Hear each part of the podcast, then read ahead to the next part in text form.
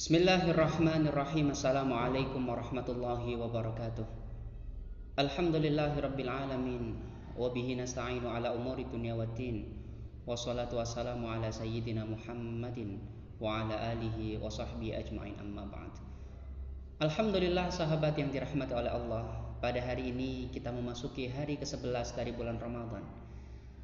Dan masih tetap dalam cerita adli kita masih tetap akan membahas tentang kisah kehidupan sahabat Rasulullah Muhammad Sallallahu Alaihi Wasallam. Sahabat yang dirahmati oleh Allah, hari ini kita memasuki hari ke-11 bulan Ramadan.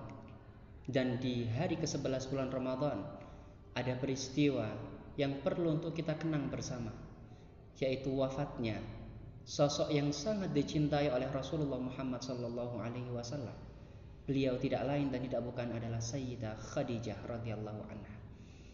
Maka dari itu di episode ke-11 ini khusus kami persembahkan untuk Sayyidah Khadijah radhiyallahu anha, istri tercinta Rasulullah Muhammad sallallahu alaihi wasallam.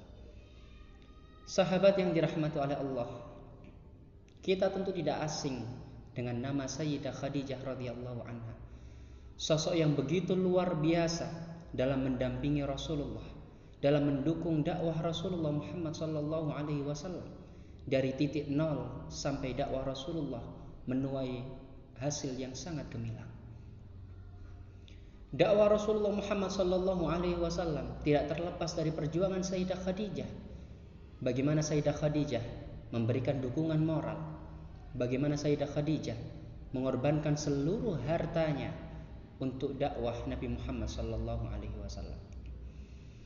Sahabat yang dirahmati oleh Allah, Sayyidah Khadijah adalah seorang saudagar yang kaya raya dan sangat dihormati di kota Mekah.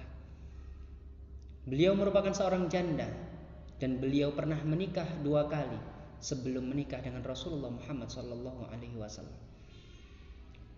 Awal mula pertemuan Sayyidah Khadijah dengan Nabi Muhammad Wasallam kita sudah tahu di dalam sejarah, yaitu ketika Rasulullah Muhammad Wasallam ikut berdagang dengan membawa barang dagangan milik Sayyidah Khadijah.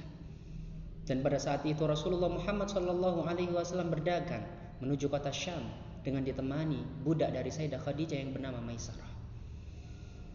Dan ternyata sistem dan juga cara Nabi Muhammad berdagang begitu jujur, begitu amanah sampai-sampai membuat Sayyidah Khadijah jatuh hati setelah mendapat laporan dari Maisarah. Sebab kejujuran Rasulullah inilah, sebab keamanahan Rasulullah inilah Sayyidah Khadijah pada akhirnya jatuh hati dan ingin dipersunting oleh Nabi Muhammad sallallahu alaihi wasallam. Setelah dibantu oleh sahabat karibnya, Sayyidah Khadijah pada akhirnya bisa menikah dengan Rasulullah Muhammad sallallahu alaihi wasallam. Dan pada saat itu usia dari Sayyidah Khadijah adalah 40 tahun, sedangkan Nabi Muhammad usianya baru menginjak 25 tahun. Jarak yang terpaut cukup jauh sekitar 15 tahun antara usia Nabi Muhammad dengan Sayyidah Khadijah. Tapi Nabi Muhammad Shallallahu Alaihi Wasallam sangat-sangat mencintai Sayyidah Khadijah. Terbukti selama Rasulullah Muhammad Shallallahu Alaihi Wasallam menikah dengan Sayyidah Khadijah, Nabi Muhammad tidak pernah menikah lagi dengan wanita mana pun. Nabi Muhammad menikah dengan wanita lagi itu peninggal dari Sayyidah Khadijah radhiyallahu anha setelah Sayyidah Khadijah meninggal dunia. Dan di sinilah Peran dari seorang istri benar-benar dibutuhkan oleh seorang suami. Dari cerita Siti Khadijah, kita belajar tentang bagaimana kita menjadi seorang istri. Bagaimana kita mendukung segala hal yang dilakukan oleh suami kita selagi itu baik menurut Allah Subhanahu wa taala. Sayyidah Khadijah membantu dengan semangat. Sayyidah Khadijah membantu dengan motivasi. Sayyidah Khadijah juga mengorbankan semua harta kekayaannya hanya demi memperlancar dakwah Islam Nabi Muhammad sallallahu alaihi wasallam. Sayyidah Khadijah benar-benar luar biasa menjadi seorang istri. Bahkan ketika Nabi Muhammad sallallahu alaihi wasallam mendapatkan wahyu untuk pertama kalinya, Nabi Muhammad menggigil luar biasa.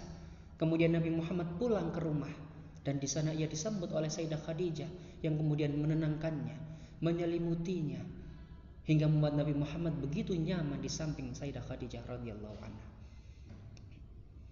Bahkan Nabi Muhammad Shallallahu Alaihi Wasallam terang-terangan mengatakan bahwa istri yang paling dicintainya adalah Sayyidah Khadijah.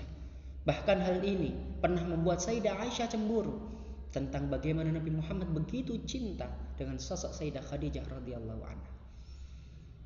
Sahabat yang dirahmati oleh Allah, Sayyidah Khadijah merupakan perempuan yang benar-benar luar biasa.